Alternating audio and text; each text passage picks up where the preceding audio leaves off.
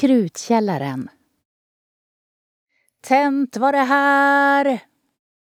Man sprängde i gruvorna utan fördämning.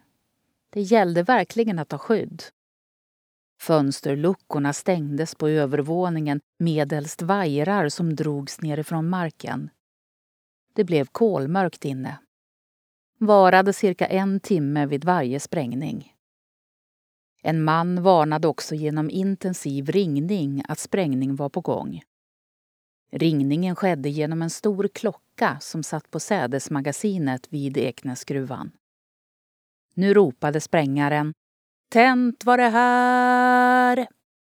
Pang! När sprängningen var över för denna gång hördes ropet Kom igen! och ringaren slog tre slag i klockan. Arbetarna gick ner i gruvan med förhoppningen att sprängningen var lyckad och ingen kommit till skada. Detta var ett ständigt återkommande arbete och ringningarna och visslan för matrast var välkända ljud i samhället. Nu står vi framför krutkällaren. Det hörs på namnet vad som finns här. Sprängstoff.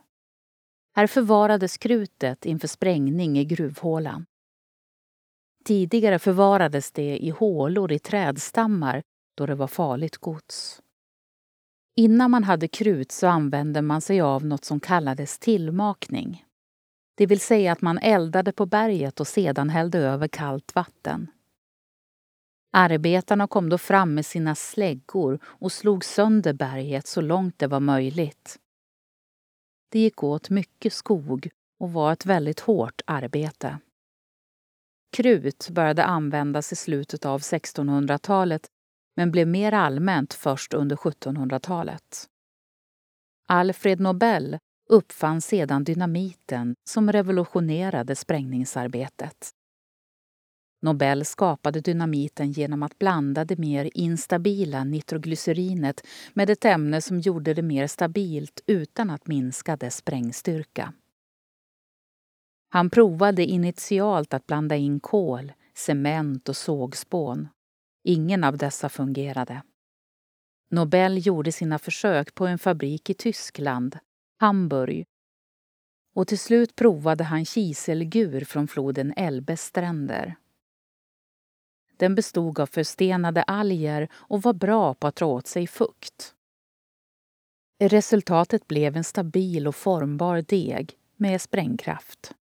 Dynamiten, ordet kommer från det grekiska ordet dynamis och betyder kraft, var född. Det står en vakt posterad utanför huset. Han höjer varnande armen och fingret åt oss. Kom inte för nära, akta er. Hit kommer en arbetare varje morgon och kvitterar ut dagens ranson av sprängämnen.